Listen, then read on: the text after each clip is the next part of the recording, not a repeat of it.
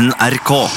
Kjære alle sammen her på NMBU, Universitetet i Ås, ikke minst det deilige hjerterommet. Velkommen til Juntafil.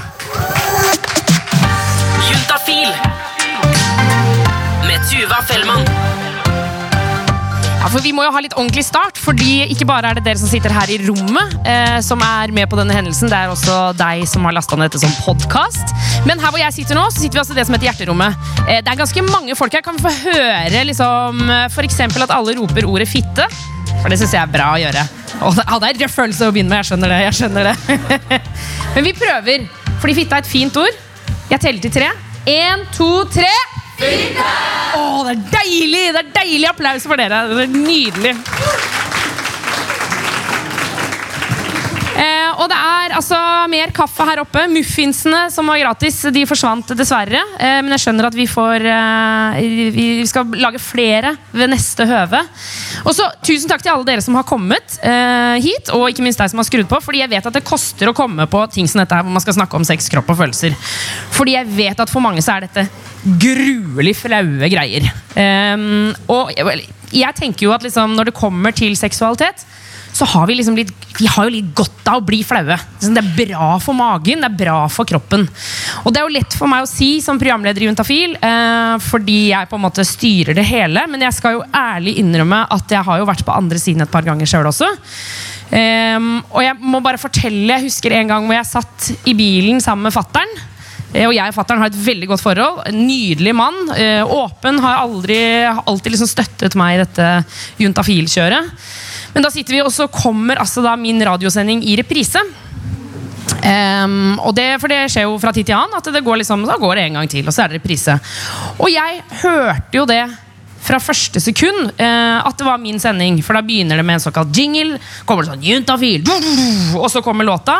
Og så tror jeg ikke pappa helt sånn oppfattet hva som skjedde. Så han sitter i bilen, og liksom, alt er som vanlig. Vi hører på noe Rihanna, og det er liksom helt eh, cool. Og så begynner da jeg å snakke på radioen.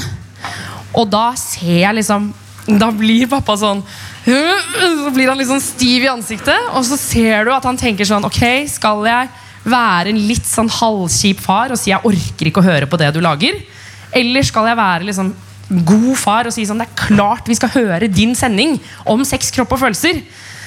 Og han, du, jeg, bare, sånn, jeg kunne bare se det i sine Du vet, når du sitter ved siden av noen i bil, så ser du at de liksom jobber så innmari. da og så så jeg at han bestemte seg for å, å høre videre. Og akkurat da så skjønner jeg at dette er sendinga som handler om analsex. Og da kjente jeg bare Er dette for mye? Så det eneste jeg klarte å si, var Det blir P- P4, pappa. P4, P4. Bytt, bytt, bytt. bytt, bytt, bytt. Så jeg bare, en liksom, Stor applaus til dere som er her, til deg som har skrudd på podkasten. Det koster litt å snakke om sex, kropp og følelser, men det er så innmari verdt det. Så tusen takk skal dere ha. Og så Vi har gjester. Det er muligheter for å stille spørsmål her. Eh, det ligger lapper rundt omkring på bordene. Eh, så det er bare å skrive. Remi, produsenten her, han kommer til å gå og samle inn. Så der, han nikker og bukker. Høflig type. Hei, hei. Stemmer. stemmer. Jeg kommer til å gå og plukke opp eh, spørsmål. Så bare å skrive de ting du har lurt på skikkelig lenge. men ikke å spørre noen om Det kan spørre om noe Brett eh, arket litt sånn fint, så ikke jeg ser hva du har spurt om. Så det blir litt sånn hemmelig Og så skal jeg gå og hente dem etterpå. Ikke sant. Men før vi introduserer første gjest, har dere det bra, folkens? Ja! Det var litt skeptisk. Vi må ha litt mer energi. Har dere det bra? Ja! Er dere klare for å snakke om sex, kropp og følelser? Ja! Det var litt mer skeptisk den nummer to der. Det, det er greit. det er greit, det er greit. Um, vi skal ta eh, godt imot eh, første gjest. Det er altså en uh, altså jeg vil si fast juntafil-inventar. Uh, og det er Sex og samfunn. I dag Trine Aarvold. Velkommen opp på vår lille scene. Applaus for Trine. Trine. Sex og samfunn, hva er det for noe? Ja, vi er, en, eh, vi er ganske mye, men vi er også en klinikk eh, som ligger i eh, storbyen Oslo. Og vi er oppe mandag til torsdag og tar imot eh, pasienter eh, som eh, trenger hjelp med sex, kropp og følelser. Ja. Men Man kan komme med liksom hva som helst. Ja, Og så har vi en chat som alle i hele Norge kan bruke. Ja. Der sitter det folk og svarer på spørsmål. Mandag til torsdag. Mandag til torsdag. Og har du glemt en pille i helga, så har vi også en chatbot du kan spørre. Ok, chatbot, altså en robot, liksom? En robot som er Pulerobot? En eh, prevensjonsrobot som okay. er spesielt god på glemt prevensjon. For Pulerobot, det blir selvfølgelig noe helt Ja, annet. det blir noe helt... Jeg tar det, tar det time, tar det time.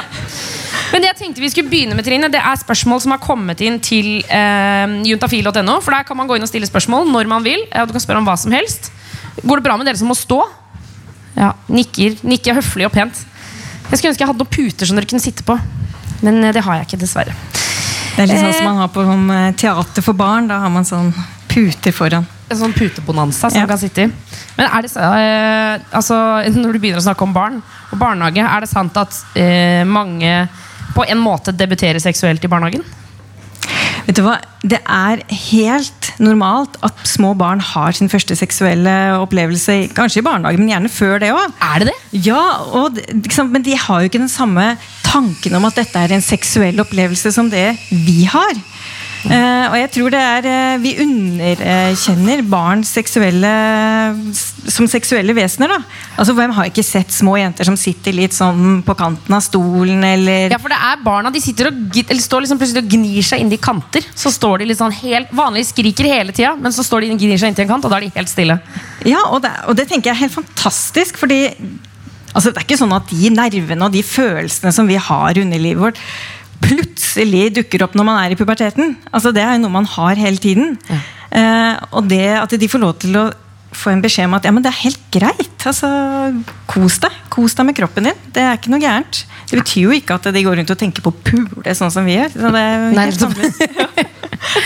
Vi har fått inn et spørsmål fra eh, en jente på 25 år, hvor det står Hjelp, juntafil. Jeg har fått sæd i øyet. Det ble veldig rødt og vondt med en gang, men etter å ha fått skylt det ut, så gikk det fint. Nå har det gått en uke, og jeg har ingen problemer. Må jeg likevel sjekke øyet for klamydia? Kan vi begynne med sæd i øyet? Hvordan får man altså, Da er det for oralsex, og så rett i fleisen? Det er noen som ikke er gode på å treffe, i hvert fall der hvor den skal treffe. Ok. Eh, Så først og fremst prøv å unngå øyet, folkens. Eh, Det er ikke noe særlig deilig å få ting i øyet.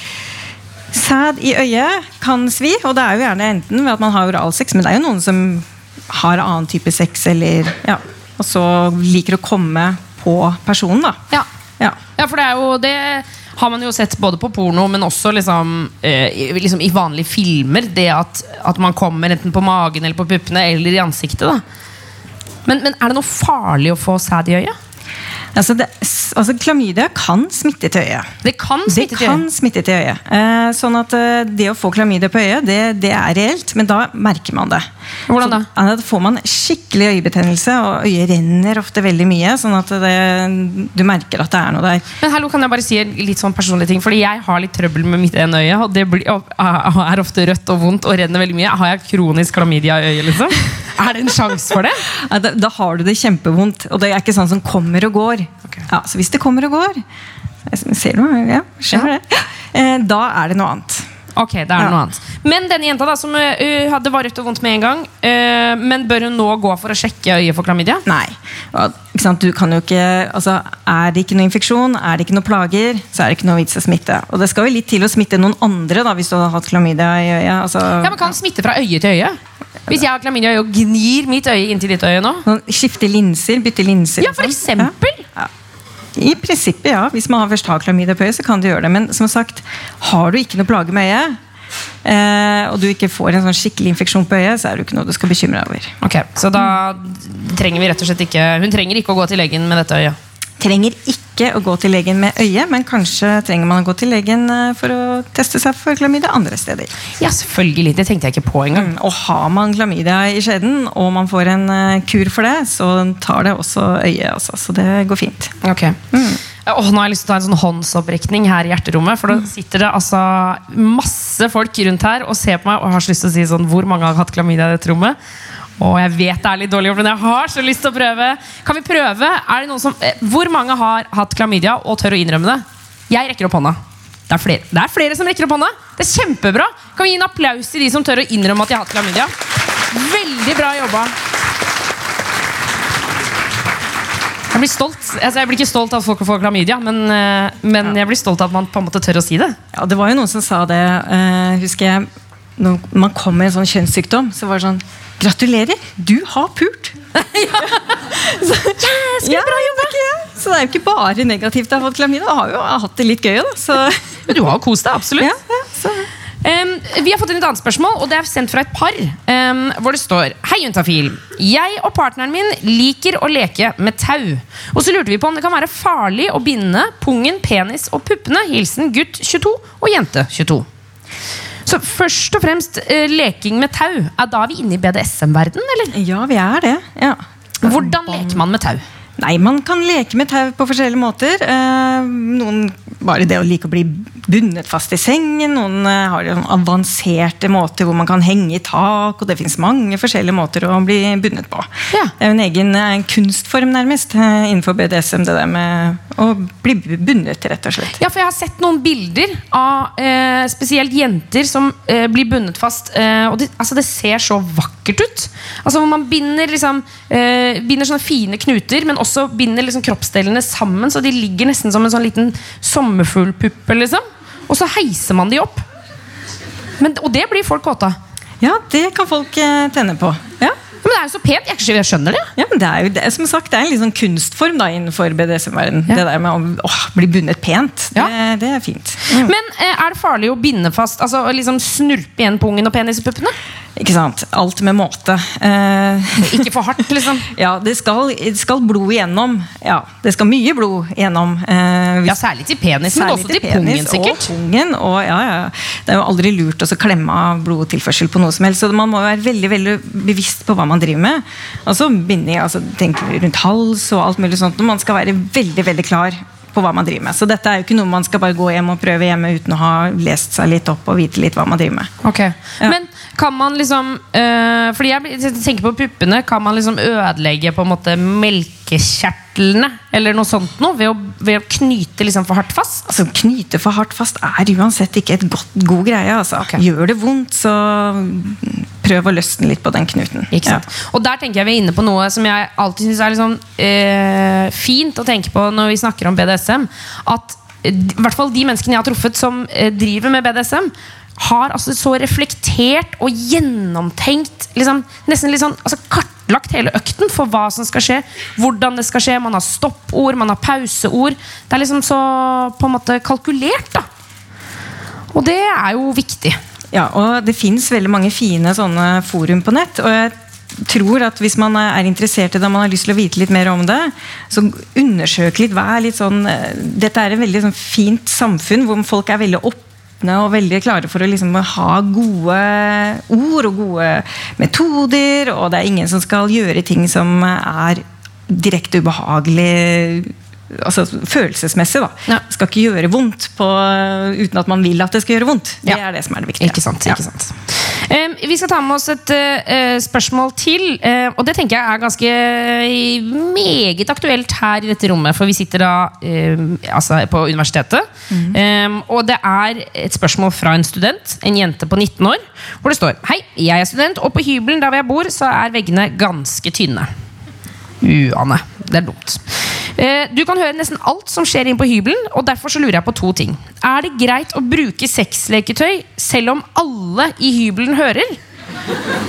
Jeg liker, å, jeg liker å holde på og vise at jeg koser meg. Så blir jeg nervøs på tanken av at andre vet at jeg koser meg. Og nummer to, blir dette kleint? Tror andre at jeg er ekkel eller pervers derfor, dersom de vet at jeg koser meg? Så Åh, håndsopprekning. Jeg vet jeg elsker det. Hvor mange her har kost seg, enten sammen eller alene, eller sammen med noen eller alene, og kanskje tenkt at noen har registrert at det har skjedd? Rekk opp en hånd. Ja, der, Nå er vi oppe i nesten jeg vil si 80% altså. 80% har gjort det. Så til jente 19 som har sendt inn, eh, dette går bra, dette opplever vi alle sammen. Ja, og tenk så utrolig deilig da, for den uh, som er på den andre siden av eh, den tynne veggen og tenker ah, hun gjør det. Da kan jeg også gjøre det. Og så kan vi alle kose oss. Så blir det sånn runkende kollektiv. Ja, ja. Alle er så blide om morgenen. Og Og... så er det liksom tredjemann som bor der, som inviterer sånn moren hjem på liksom fredagstaco. Så hører du bare sånn ah, ah, I alle rommene, og alle bare Oh my god. Det kan være greit å avtale det på forhånd. Ja. Men er man liksom ekkel eller pervers hvis man har lyst til å kose seg og lyst til å gjøre det aleine, f.eks.? Men er alle ekle og perverse, da? Altså, De fleste har jo litt lyst til å kose seg og ta på seg selv, og det er jo bare kjempeflott at folk gjør det. Da, Man blir et bedre menneske av det, altså. Så fortsett med det. Altså, for det er sant, Man blir et bedre menneske av å onanere. Man gjør faktisk det. Hvorfor det? Ja, man, det slipper ut masse endorfiner og masse, altså masse hormoner som gjør at man slapper av bedre i kroppen og kan ta ting kanskje litt mer med ro. Ja. Ja, Så bare, bare fortsett med det. Bare kjør på, folkens. Kjør på. Um, vi skal uh, flytte oss litt videre i dagens program. Um, fordi uh, foran meg her så står det også en uh, slags liten Juntafil sin fruktkurv. Og reporter Remi Horgard, den er det du som har mekka? Det har jeg. Eh, vanligvis så liker vi jo i Juntafil å gi ut en purreløk i fruktkurven. Det fant jeg ikke i Ås, men jeg fant noe annen fin frukt. Men Hvorfor liker vi å gi ut purreløk? Den har to ganger vunnet Juntafils kåring av beste grønnsak som sexleketøy. Så det ikke å kimse av. Så, Så rimelig sexleketøy der, altså, folkens. Ja, Rimelig det er ganske billig, faktisk. Jeg tror det er sånn ni, ni kroner. Ja, det er veldig rimelig. Ganske rimelig. Men vi har andre gode ting i fruktkurven vår. Og det er en banan. Mhm. En klassiker, det også. Og så en plomme og en pære. Hvordan skal, hvor skal du bruke de? Det var noen som foreslo at man kunne ta vekk stilken på pæra. Og så Og så prøve å putte den oppi vagina. Så ser du liksom, men men der man skal være litt forsiktig, tror jeg. Man Ja, det tror jeg også. Hele, men kanskje man kan litt borti klitoris, kanskje? Kanskje, for eksempel. Kunne vært litt godt. Man må være litt forsiktig når man skal putte eh, både frukt og grønt oppi eh, både enten nummer én eller nummer to. Med den bananen. Du ville vært forsiktig med bananen, Trine. Ja, I hvert fall ikke skrellen først. Ikke skrellen, ja. Nei. Men uansett Bruk kondom også. Bruk kondom. Og så hold i kondomen. Så ikke har så ikke det sklir opp, ja. Ja, det tror jeg også er. Eh, men det der purreløken er veldig god, da, for den er jo litt sånn lang. ja. Det er vanskelig å få inn hele. Men vi har andre gode ting. Vi har eh, Juntafils egne glidemiddel. Ja, det er veldig bra. Ja, og så har vi kondomer, selvfølgelig. Nydelig. Og dette vinner man ved å Ved å trekke et lodd i vår lille loddboks. Ikke sant. Um, og vi skal straks uh, få opp gjest nummer to i dag. Um, og vi kan, altså, han har jo ekstremt mange titler. Eh, men analekspert vil jeg vel faktisk si er helt ekte. Han har skrevet en bok om anus. Ja. Eh, og før vi skal få opp Kavra Kaveh Rashidi, så skal vi ut en tur. Ja, jeg har vært ute og snakka med studenter om hva de tenker på når de hører ordet rumpe. På kvinner kanskje den beste kroppsøvingen. Ja, Damerumpe det vil jeg si er viktigere enn herrerumpe. i hvert fall. Hvorfor det? Vet ikke, det bare er en stor del av det pene. da. Må jo være rund, da. Rund, ja. Men det, alle, det kan være mange flotte fasonger på det. Ja, Ofte på treningssenteret da, så stiller man seg litt, gjerne litt lenger bak, slik at man kan se mye flott foran. Ja, det er mest å se på. Aldri tatt på en rumpe. Fint å se på. Fint å ta på. Hva, hva liker du å gjøre med rumpa? Ja, nei, hun eksen min var ganske gæren, da, så hun, hun spurte spurt om å få den. Analsex, liksom? Ja. Det er et sånt steg videre på. Eller for viderekommende? Ja, eller for eksempel hvis man har vært i et forhold lenge da, og begynner å bli litt lei. Nei, det, nei, det, fun det prøvde, liksom. Det, Men det funka ikke, nei. Ikke for meg. så da ga du opp. Ja. Snakka dere om det etterpå? Ja, ja det gjorde vi. Hva sa dere da? Nei, At det ikke var noe for oss, da. Dere hadde vaginal samleie istedenfor? Ja.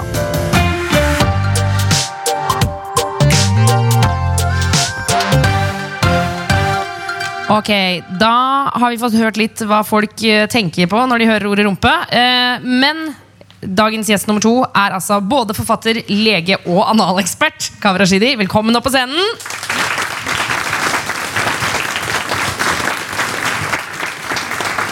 Du, du har fått, du, det er mange titler som har kommet på deg nå.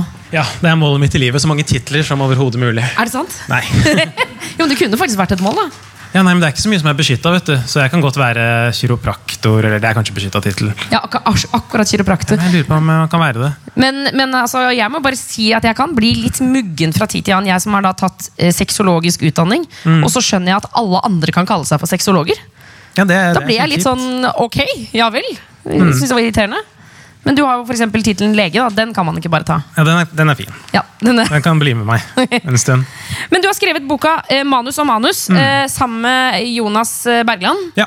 Eh, på, altså, er du blitt mer eller mindre interessert i rumpe etter å ha skrevet denne boka? Mye, mye mer. Ok, Hvorfor det? Jeg hadde ikke peiling om hvor mye interessant Altså, Det var bare en morsom tittel. Det, var- det var der det starta. Og så oppdaget vi at anus er fylt med både sånn fun facts og interessante ting om selve rumpehullet, men også all historien og kulturen og bare hva anus betyr for mennesker rundt om i verden, har vært helt sånn øye, en øyeåpner. Men kan vi få en fun fact om rumpa nå mens vi sitter her? På Universitetet i Ås? For eksempel, hvis du skal drikke for å bli full, så er det mye mer effektivt å helle alkoholen inn i rumpehullet Nei, enn å drikke den. ikke sånn! For når, du, for når du drikker alkohol, så blir det tatt opp i tarmene, og da går det gjennom leveren først, før det går opp til hjernen, og da brytes en del av alkoholen ned. Men jeg trodde Men hvis du, hvis du for eksempel da lager en sprittampong, som kommer til å svi som bare det, og ikke er å anbefale, men bare sånn rent teoretisk så vil det bli tatt opp av de, det, det blodkarsystemet som er i anus, som ikke går gjennom leveren. Det går rett opp til hjernen. Okay. Så du kan bli full for sånn halve prisen. Okay. Men du, du selger det veldig godt inn nå, på en måte. Kan vi Ja. bare ta hva som er ulempene med å putte en uh, sprit-soka-tampong i rumpa? Det kommer til å svi som bare det. Det er et kjempesterkt stoff, og er, man bør jo ikke gjøre det. Nei. Men det, dette trikset her bruker vi jo vi leger masse når vi bruker stikkpiller. Det er en kjemperask måte å få et stoff inn i blodet på. Er det derfor man tar stikkpiller? Det er bare en rask måte inn i blodet. Eh, Og i mange situasjoner, sånn si noen har et krampeanfall og klarer ikke å svelge tabletter, og de holder på å dø, så er det sånn, hvordan skal vi få medisinen inn i blodet på deg? Kjempestress å finne en nål og stikke den inn når personen har kramper. Rumpehullet er der. Bare døtter den inn. Bare døtter den inn? Ja, fordi det har jeg tenkt på Ligger på samme sted hos alle. Og det er Ja, liksom det er liksom ikke noe- Det superenkelt er å ikke få tak i. mikk-makk, liksom. Nei.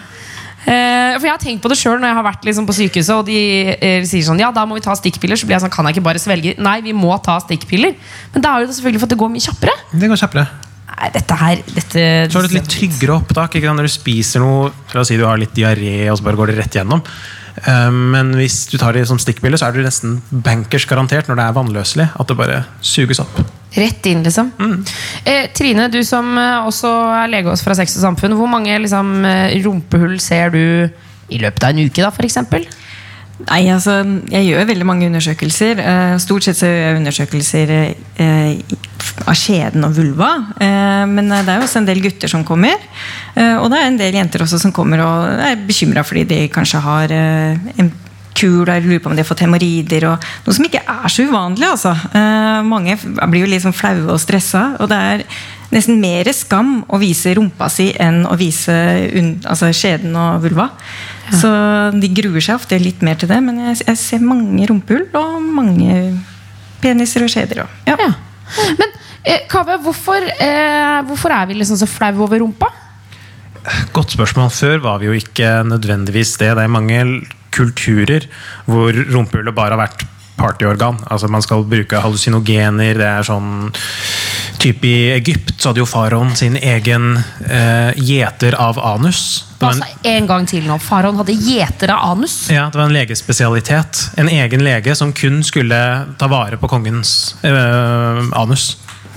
Men, men, men, ene og alene yrke.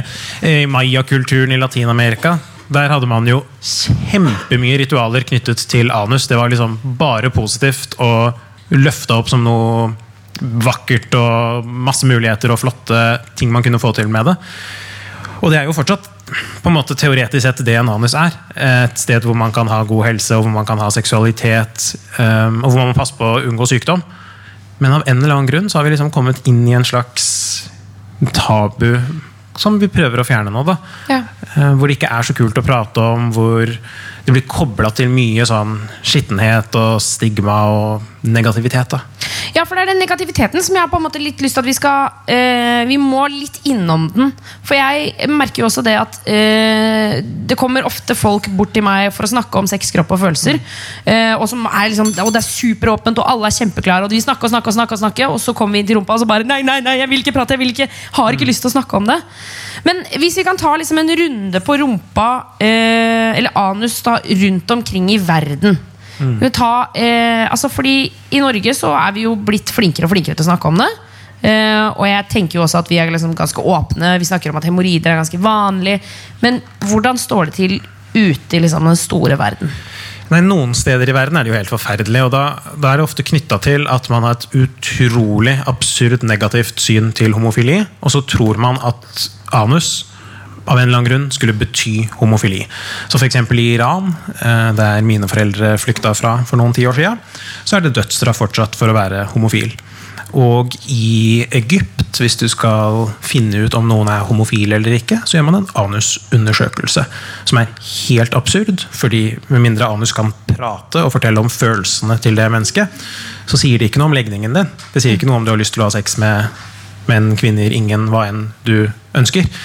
Um, fordi analsex er jo noe man har hvis man er hetero eller homo, eller ikke har det i det hele tatt hvis man er hetero eller homo. Eller hva enn. Så det har blitt veldig mye sånn kobling da, mellom homofili og alt det negative folk har klart å spy ut på den gruppen med mennesker, og anus. Eh, Noen steder er det jo helt ekstremt, sånn som i det irakiske militæret. Hvis man blir tatt for å være i militæret og gjøre seksuelle akter med andre menn, så syr de igjen rumpehullet ditt. Sånn at du ikke får gått på do. Og det er deres måte å drepe noen på, fordi de følger det opp med å gi deg masse avføringsmidler. Sånn at det bare hoper seg opp. Kommer ikke ut. Springer, og du dør. Men det, eh, jeg bare, det blir, jeg, liksom, dette blir jeg ganske satt ut av å høre, for det, det her er jo virkelig helt forferdelige ting. Og det er helt, sånn, det er helt absurd at det gjøres. Men, men altså, syns, altså sånn, Oppfattes det som en ok ting å gjøre, eller reageres det på? Det reageres jo noe på. altså Dette med det irakiske militæret ble jo en sak, og de skrev om det i BBC, og en journalist liksom kom ut og avslørte hvordan praksis var. Men så er man jo litt tilbake igjen til det samme. Da. Hvordan skal man på en måte løfte det som er helt normal seksualitet, til å være normalt i andre kulturer? Eh, ikke at den norske kulturen er perfekt på det heller. Det er jo kjempemye tabu her også. Hadde du spurt i den salen her hvem som har på en måte hatt analsex, så hadde du sikkert fått langt færre eh, håndsopprekninger enn det som faktisk er tilfellet. Ja. Folk tør ikke å prate om det. Det er liksom et eller annet som sitter litt sånn dypt i oss om at det er flaut og det er skam. Mens en blowjob det er jo bare helt vanlig. Ja, ikke sant? Fordi, eh, men hvis vi går tilbake til dette med homofili opp mot analsex, da. Eh, er, det, er det sånn at alle homofile for eksempel, har analsex? Nei. Nei. Eh, Så det det det er er heller ikke sånn at man er homofil hvis man har analsex. Så, Det er så, bare et sted med veldig mye nerver som kan fungere godt for å bli stimulert seksuelt. For noen så er det supert, for andre er det ikke tingen. Nei. Smak og behag. Sånn, sånn som alt annet med kroppen. Liksom. Ja. Men så vil det si at analsex og homofili Trine, det er liksom strengt tatt egentlig ikke knyttet sammen? Nei, det er ikke det. Eh, og det er jo et spørsmål som vi ofte får eh, på Juntafil. Eh, det der med at man jeg liker å bli tatt i rumpa eller liker å putte noe opp i rumpa mi, betyr det at jeg er homofil? Og det gjør det overhodet ikke. For vi har jo et, eh, altså, menn har jo et organ i eh, anus, altså prostata. En kjertel som er veldig følsom, og som lett kan bli stimulert. Og man kan få en god opplevelse av å bli stimulert analt. Og kvinner også, som du sier, har masse nerver og alt mulig. Eh, Så det har jo ingenting å si med hva slags legning du har. Det har mer å si med hva du, hva du liker. Og det er viktig å finne ut av. Ja, ikke sant Men eh, Kave, når vi liksom disse Oi, jeg kjente at jeg fikk skikkelig altså, ordentlig, ja, men jeg fikk ordentlig vondt i magen. Men hva skal liksom vi her på Ås Hva skal vi gjøre? For jeg får så lyst til å gjøre noe når det er, skjer så jævlige ting. da hva, kan, hva skal vi gjøre, egentlig? Det er veldig mye som kan gjøres i det lille. eh, Som de små miljøene, tror jeg. For det første bare være litt bevisst på det og støtte de organisasjonene som prøver å skape likestilling og skape menneskerettigheter for alle. For det er jo basically de, det dette her handler om. Å få lov til å elske andre mennesker er jo eh, helt, helt grunnleggende menneskerett. Om du har lyst til at noen skal kysse deg på munn, rumpehull eller hva, er jo det samme, så lenge folk eh, samtykker til det, så er det bare flott. Mm. så selv syns jeg at Amnesty gjør veldig mye godt på det feltet. Um, men hva skal man si? Start lokalt. Snakk med kompiser og venninner om konseptet analsex, og liksom, normaliser det. Ja, Og så sprer det seg. ikke sant Klarer vi det, folkens? Det er noen, det er noen forsiktige nikk her. Jeg hadde mer tenkt sånn kamprop. Sånn ja! Klarer vi det, folkens? Ja! ja Det er veldig bra. Der er, der er dere gode. Eh, vi skal snakke litt mer om eh, rumpa. Eh, det jo, jeg har jo veldig mange spørsmål om rumpa. Eh, Kave. Du er ikke den eneste. Jeg er ikke den eneste, Nei. for vi får inn utrolig mye spørsmål om både analsex, eh, men også eh, på en måte hva som egentlig skjer der nede. Eh, og så har vi fått inn et hvor det står Hei, Juntafil, kan dere snakke om analbleking? Sies at dette er en økende trend, men i norske Google-treff så står det lite om dette. Hvordan? Pro, cons, hvorfor? Så, så Kave, hva veit du om dette? Nei, det er jo et eh, skal man si, fysisk ideale som har kommet fra pornoindustrien.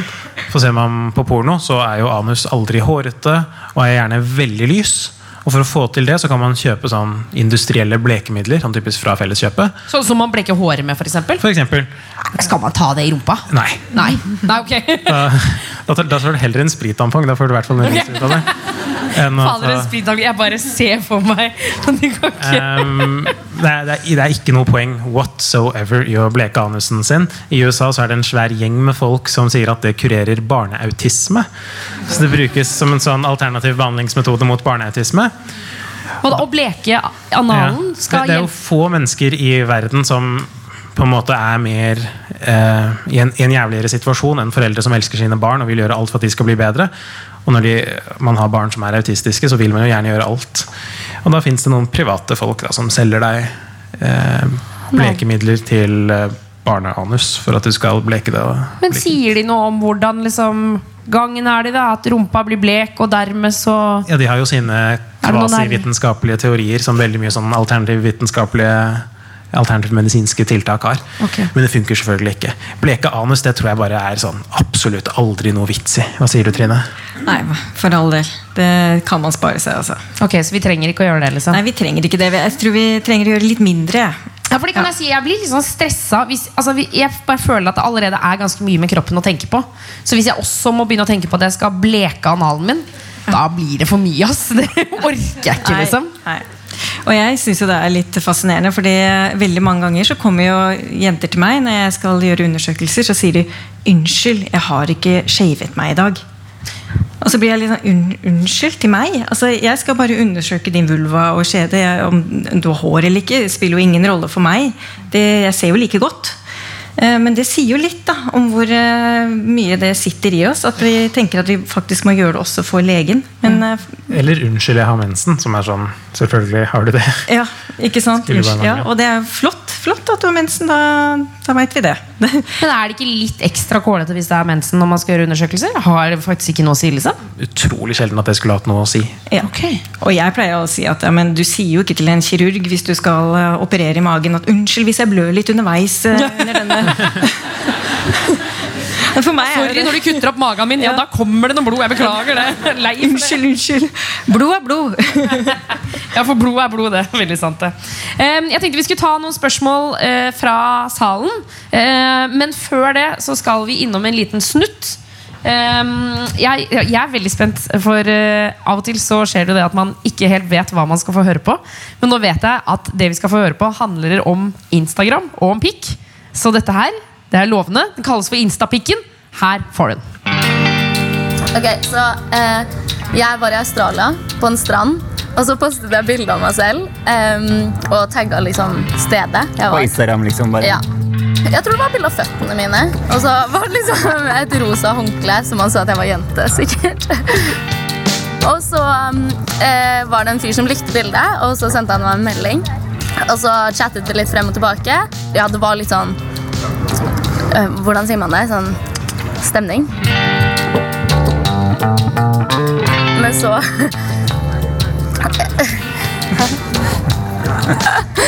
Nei, eh, Så postet han et bilde på Instagram hvor han sa eh, hvis jeg får én like på dette bildet, så skal jeg poste bilde av kuken min. Eller penisen. Han postet først ett bilde. Jeg tror det bare var et selfie. Hvor han var sånn Hei, lik dette bildet. Så trykte på like. Ja. ja men man må jo sjekke om man liksom faktisk har det i seg. Så. Og så gjorde han det. Det var litt sånn bilde der hvor han lå litt sånn. Og så liksom lente den seg på magen. Den var liksom erigert. Så han viste alt der også, liksom? Ja, ja, ja, ja, det var helt nakenbilde. Så det var foran Ja, til alle Instagram-vennene hans. Han hadde ganske mange følgere. Så For, for deg, liksom? For din skyld? ja, ja. For min skyld, ja. Jeg tror han ble rapportert. Fordi jeg fant han ikke noe mer. Han forsvant fra Instagram etterpå. han. Ja, og så fra Jeg tror det var sånn WhatsApp eller Viber vi brukte. Så det var litt sånn Han forsvant derfra også. Ja, nå blir rapportert kjapt på Instagram. Det, det forsvinner fort. Det var reporter Remi Orgar eh, som hadde snakka om Instagram og pikk. Nå har vi altså fått inn en svær bunke, tjukk bunke med spørsmål fra salen eh, her i Hjerterommet. Og jeg må bare beskrive dette rommet. Det ser veldig ærverdig ut. Eh, det er sånne svære søyler midt i. Og bak oss så er det et kunstverk. Eh, som er svært og liksom sånn rødfarga i forskjellige nyanser. Og jeg tenker bare på fitte. Hele veien. Eh, Trine og Kaveh, hva tenker dere på? Det er det eneste man kan tenke på. Når. Det er det som kommer, liksom. Alt annet er litt unaturlig å tenke på. Ja. Det er veldig organisk, jeg må si det. Ja, Det, er, det er pent, altså. Det er pent. Dette, må jeg ta, dette skal jeg ta bilde av. Dette gleder jeg meg til. Em, vi har fått inn spørsmål. Hvis det er noen her ute som har spørsmål fra salen, så må dere også bare hive en hånd i været. Reporter Remi han står klar med mikrofonen, så det skal vi få til. Eh, her står det Hvordan komme ut som bifil-jente når familien bare vet om eh, gutteeksene, og man dater en gutt akkurat nå? Det er jo eh, det å Det er jo litt sånn trist i dag at vi liksom eh, Det å komme ut fortsatt er så vanskelig. Eh, det å kunne snakke om sin eh, seksuelle legning fortsatt eh, er såpass stort da, for hver og enkelt. Det burde bare være mm, helt hverdagslig å kunne si sånn Ja, nei, jeg liker både gutter og jenter. Jeg. Ja, nei, men det er fint for deg at du Da har du flere å velge mellom. Men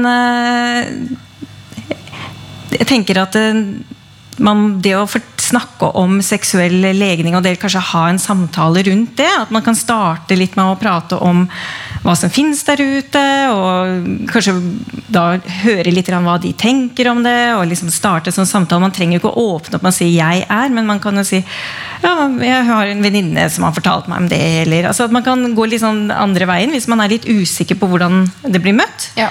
Eh, Eller kanskje snakke om liksom filmstjerner som Ja, er bifile, f.eks. Ja. Bare å elske henne. Hun er jo bifil. Artig, det, da. Ja, og så se liksom lufte reaksjonen litt. Lodde stemninga. Det Ja, sikkert ikke sånn, jeg tror ikke det fins én oppskrift som passer for alle på det der. Både fordi man individuelt har ulik terskel på det, men miljøet er sikkert veldig ulikt også. Noen føler sikkert at det er et veldig aksepterende miljø, mens andre tenker at nei, her kommer jeg til å møte mye motstand.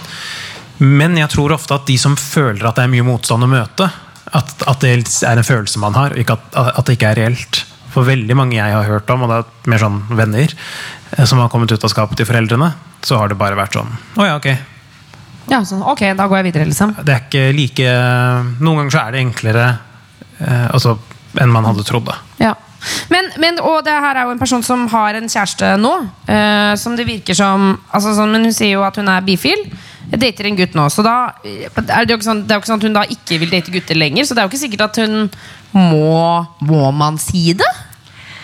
Og det tenker jeg er litt opp til enhver. Altså, går jo, man går jo ikke rundt og sier sånn Hei, jeg heter Trine, jeg, jeg er heterofil. Altså, det, for meg er jo det veldig rart å si. Det er veldig, Ja. det er veldig rart. Ja, sånn det sånn er det- interessant å tenke på den veien. Ja, eh, men jeg tror vi må tenke litt den veien at det å være, ha en legning, det, det er noe vi alle har. Eh, Det er jo ikke noe vi må fortelle folk, og hvis man ikke forteller det, så skjuler man en stor, stygg hemmelighet for andre rundt seg. For det er, jo ikke det det handler om. Eh, Vi må bare snu det litt på hodet. Det er like normalt å kunne fortelle folk at man liker gutter, som at man eh, kan fortelle folk at man liker noen med samme kjønn. da. Ikke sant. Eh, vi har også fått inn et spørsmål om uh, urinrøre. Jeg- Urinrøre syns jeg er ganske, ganske interessante greier. Jeg vet ikke helt hvorfor, men jeg har fått litt sånn eh, Jeg bare, jeg syns det er litt sånn rart del av kroppen. At det er liksom Det er som et liksom, avløpsrør som bare sender ting ut. Og det blir jo, særlig på gutter så blir det jo et rør. Eller på utover tissen, liksom. Men det er i hvert fall en som spør Er det vanlig å bli sår i urinrøret etter masturbering. Gjør vondt å tisse etterpå. Er det klamydia, kanskje? Nei, det, jo, altså, det kommer litt an på urinrøret hos jenter. De sitter jo på så veldig mange forskjellige steder. Det er jo litt uh, overraskende. Mange tror at uh, urinrøret er litt sånn som rumpehullet, all, alltid på samme sted, men det er det ikke. Så noen kan ha urinrør litt nærmere skjedeåpninga, faktisk også i skjedeåpningen, mens andre har det veldig i nærheten av klitoris. Sånn at hvis man, uh, Det kommer litt an på hvordan man onanerer. Hvis det blir veldig mye friksjon, så kan det jo Urinrøret er litt sånn sårt. da. Det er liksom, Når man gjør undersøkelser, og sånn, så er det det området jeg prøver å unngå mest mulig. For det er veldig sårt og vondt å få sånn direkte press på urinrøret. Så da går det kanskje an å være litt bevisst på det når man onanerer. Eh, kanskje bruke litt ekstra glidekrem, passe på at det ikke blir så mye friksjon. da. Hvis den svien sitter lenger inne, så kan det jo være fra noe annet også. Altså, Urinrøret sitter jo veldig eh, nært skjeden. Det, altså, man, man vet jo ikke alltid akkurat hvor smertene er fra. og så det kan være vondt et annet sted, rett og slett? Ja, spørs hvor i urin, Urinrøret er jo veldig langt. Ja. Det går jo mange centimeter innover. Så det er det jeg synes er så interessant. Det er det som er så rart med kroppen. Så spørs litt hvor de smertene sitter. Okay. Men hvis det er hver eneste gang man onanerer, så hadde jeg kanskje tatt en tur til legen for å få tatt en urinprøve. Hva tenker du, Trine? Alltid greit å gå en tur til legen hvis det er noe som gjør vondt over tid. Det er en veldig fin eh, regel. Ok, Så ta en tur til legen med dette. Um, hvor langt kan du få inn en arm i rumpa med tanke på fisting? Går det an å få den helt inn til tykktarmen, liksom? Det er jo manus og manus-felt. Det er I aller høyeste grad. Aller altså, bare høyeste for grad. de som ikke vet hva fisting er, da. Kan vi ta en runde på det? En knyttneve som er knyttet sammen, som dyttes inn i anus. Ja. Og, Altså, og, og hva er grunnen til at man gjør det? For å ha det gøy. For å ha det gøy. Enkelt og greit. Hvis man skal fiste, er, hva, hvilke ting er det viktig å huske på i forkant? Nei, altså, En gjennomsnittlig knyttneve er langt større enn en gjennomsnittlig anus. Ja, så man kan veldig fort ende opp med å få for mye strekk på ringmuskelen, som er selve anus, da det som holder anus sammen. Og den muskelen har du ikke lyst til å rive opp, for da kan du få trøbbel seinere. For da er det vanskelig å holde ting tilbake seinere. Nettopp. Ja. Så fisting vil jeg jo si er veldig sånn avansert eh, føre ting inn i anus-leking. At man veldig skal starte med små ting som man eh, vet får plass, og som har masse masse, masse, masse glidekrem, for anus har jo ikke noen naturlig eh, glid, sånn som skjeden har når man blir våt. Ja. Så, men hvis man ønsker å fiste i anus og finner ut at det funker bra for begge parter, så kan man komme inn i tarmen. For det er ikke så langt. Selve anus er en 2-3 cm. Og så kommer man til en sånn pose hvor avføringen ofte er samla opp, som heter rektum. Den er vel rundt en 10-12 cm til. Og hakk over det. Nå Og da er nede i sånn håndleddet-ish, vil jeg tro, for de Ja. fleste. På håndleddet, hvis jeg har liksom hele hånda oppi rumpa, da begynner jeg å nærme meg avførings... eh, Ja, og etter det så er det tykktarmen. Men det er, det er veldig veldig gode sjanser for å skade et eller annet ved å fiste noen, så da skal du virkelig vite hva du holder på med. Okay. Um, ja, Sex for viderekommende, altså. Kan vi si det sånn? definitivt. Og under ordnede forhold. Ikke noe sånn fyll av La oss se hva som skjer. eh, Ja, vi tar en liten runde med fisting nå på lørdagskvelden. helst unngått. Eller hva sier du, Trine? Ja, Det er ikke noe særlig å kombinere med sprittamponger og fisting. Det er, det er dårlig, det, altså. For å få sprittampongen skikkelig godt inn. Nei, uffa meg, fy fader. Åh, em, jeg lurer på, Er det noen her i salen som har lyst til å stille et spørsmål? Her er det et spørsmål. Nydelig blå skjorte. Ja, jeg heter Tord og er studentleder her. Eh, Jeg har et spørsmål for Jeg anser meg selv som en ganske eh, trygg og åpen gutt. Men når det kommer til å, å snakke om dette med sex, spesielt med kompiser og vennegjenger, eh, så blir det ofte bare tull og overdrivelser og useriøst. Eh, så jeg lurte egentlig på om dere har noen tips til hvordan vi gutta kan bli flinkere til å snakke om dette med sex og selvbilde og sånn på en litt ordentlig og ærlig måte. Godt spørsmål. Tusen takk skal du ha. Jeg har samme problem, jeg. Har du samme problemet. Ja, Selv ja. du som lege. Ja, ja. Er du gæren? Jeg, jeg har valgt en veldig dårlig løsning. Jeg har veldig mye jentevenner. Ok. Um, så det løser jo ikke problemet ditt i det hele tatt. Eh, Men det er kjempevanskelig. Man lager en sånn kultur blant gutter ofte, i hvert fall blant meg og mine venner, at vi har de tingene vi prater om. Og i den grad vi prater om kjærlighet, og sånn, så er det på et veldig overfladisk nivå. Uansett om man har vært i et langt forhold, skal ha barn, eller om det bare er noe man har ligget med en natt, så er det bare sånn kult. Og så er man over det. Og det er, det er kjempesynd. Jeg savner å kunne ha et tettere bånd til guttevenner. eh, Og kunne snakke om sex på et litt mer alvorlig plan. Men går det an å, går det an å si det sånn direkte? Og bare si sånn nå skal jeg for, Gutta, nå skal jeg fortelle noe, men her er det faktisk ikke lov til å kødde. Eller blir det da bare enda mer kødd? Jeg, jeg hadde tenkt at det, det er litt altså det, det, det, ligger så langt inne, dessverre. Er- det hadde føltes kleint, rett og slett. Og det er sikkert litt det du kanskje føler på. At liksom Så kanskje ta det i sånn små porsjoner. Sånn introdusere det så vidt det er sånn litt om gangen. Og så Ja. blir det kanskje mer og mer vanlig for uh, guttegjengen også, så skal jeg gjøre det samme. Så, så, hvis dere to nå begynner å gjøre det Ja. Du bor i Oslo-Kavet, og du bor her på, i Åstord. Så, dere, så sprer det seg utover til hele landet etter hvert. Fordi Trine, det må jeg si at eh, vi jenter Jeg synes at vi er blitt supergode på det.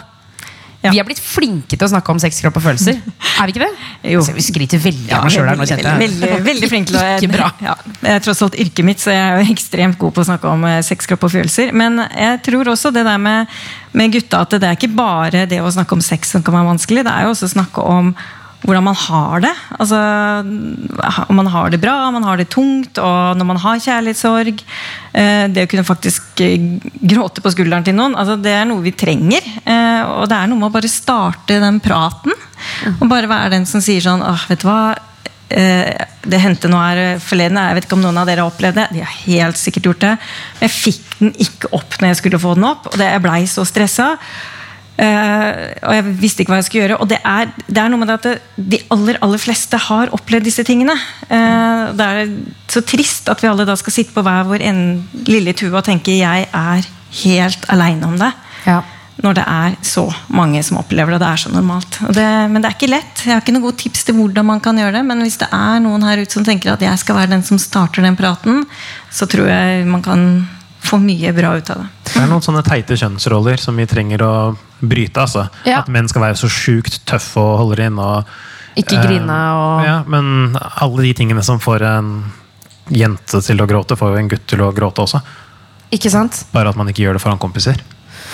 Men mens vi er inne på dette med å prate For jeg har lyst til å ta opp en ting eh, helt uavhengig av kjønn. Eh, det å på en måte snakke med hverandre om sex, og særlig om man vil, ikke vil. Altså klassisk grensesetting. Der er vi heller ikke så gode, noen av oss, føler jeg. Eller hva tenker dere? Er vi gode på å prate om grensesetting? Forbedringspotensial, i hvert fall. um, det er jo noe som har vært mye i, søkelyset de siste årene. Så jeg liker å tro at liksom, den yngre generasjonen eh, blir flinkere. Men det enkle, enkle konseptet at kun et ja er et ja, og et nei er alltid et nei, er fortsatt eh, ikke i ryggmargen til alle sammen. Det er mye mye som skjer som ikke burde ha skjedd seksuelt. da Jeg tror også man må være litt flinkere altså det å lese kroppsspråk. altså når man, eh, Vi sier alltid sånn, ja, man må alltid finne ut hva er det den andre parten liker. Eh, Man trenger ikke sette seg ned sånn litt så, skrive sånn liste. Jeg liker å bli tatt her, jeg liker her. Eller. Men det er noe med det at når man er i samspill med andre, at man kanskje blir flinkere til å se hverandre i ansiktet. Man Ja, så se hverandre i øynene, Ja, rett og slett se hverandre litt i øynene sånn, når man prøver seg på noe sånn Hæ? Hæ? Ja, dere vet, altså, det, er med, det er noe med det der med at vi eh, Vi er ofte så stressa, og mange er også ganske flaue når man skal ha sex med hverandre. At man mister litt den der kommunikasjonen. Man syns noen ganger nesten er litt flaut å se hverandre i øya eh, når man har sex også. At det der med å liksom få det samspillet, eh, da vil man plukke opp veldig mange fine signaler. Og da kanskje trenger man ikke å si sånn 'jeg liker helst å bli tatt der', fordi når du forsiktig rører det området, så, ah, så ser du at den andre lyser litt opp i øya, og da vet man at oh, her er det et bra område. Så jeg tror det å, det å bli flinkere til å se hverandre litt i øynene og høre istedenfor å må lage en sånn smørbrødliste, det tror jeg er ganske viktig. Enig. Veldig enig. Jeg, dette med lyse opp i ansiktet, det tror jeg det skal vi ta med oss videre, alle sammen. Eh, og så begynner vi rett og slett å nærme oss slutten her. Men før det så skal vi jo dele ut juntafil-fruktkurven. Ja, det skal vi. Ja, Remi? Eh, Den står fortsatt her, den, med glidemiddel, pære, banan og plomme og Ja. kondomer. Eh, og så tenkte jeg, for alle har fått eh, et, en liten lapp med et tall på. Eh, kanskje tu, du du har lyst til å si et tall mellom 1 og 90? Mellom 1 og 90. Åh, da er det fristende å ta 69. Du, eh, den var den eneste som lå igjen, tror jeg. Oh, ja. Så folk her hater Ville ikke ha 69? Så prøv et annet tall. Ok, da tar jeg ulykkestallet 13. 13. Har vi nummer 13 i salen? Der helt nederst! Å, nydelig! med. Det er glede i fjeset der nå. Det liker jeg godt. Gratulerer. Hva heter du? Birte. Birte, eh, hva følger du nå? Elsker å vinne. Gratulerer. Applaus for Birte. Og med det så tror jeg vi eh, takker for oss. Trine Aarvold og Kaveh Rashidi, tusen tusen takk for at dere kom innom Juntafil i dag. Det var en glede å ha dere her. Hyggelig å få være Takk for at vi fikk komme. Applaus for de. Og Juntafil takker for seg. Still spør spørsmål på juntafil.no. Takk for at dere kom. Ta litt mer kaffe før dere går. Og husk å runke og pul og gjør det dere har lyst til. Ikke ting dere ikke har lyst til.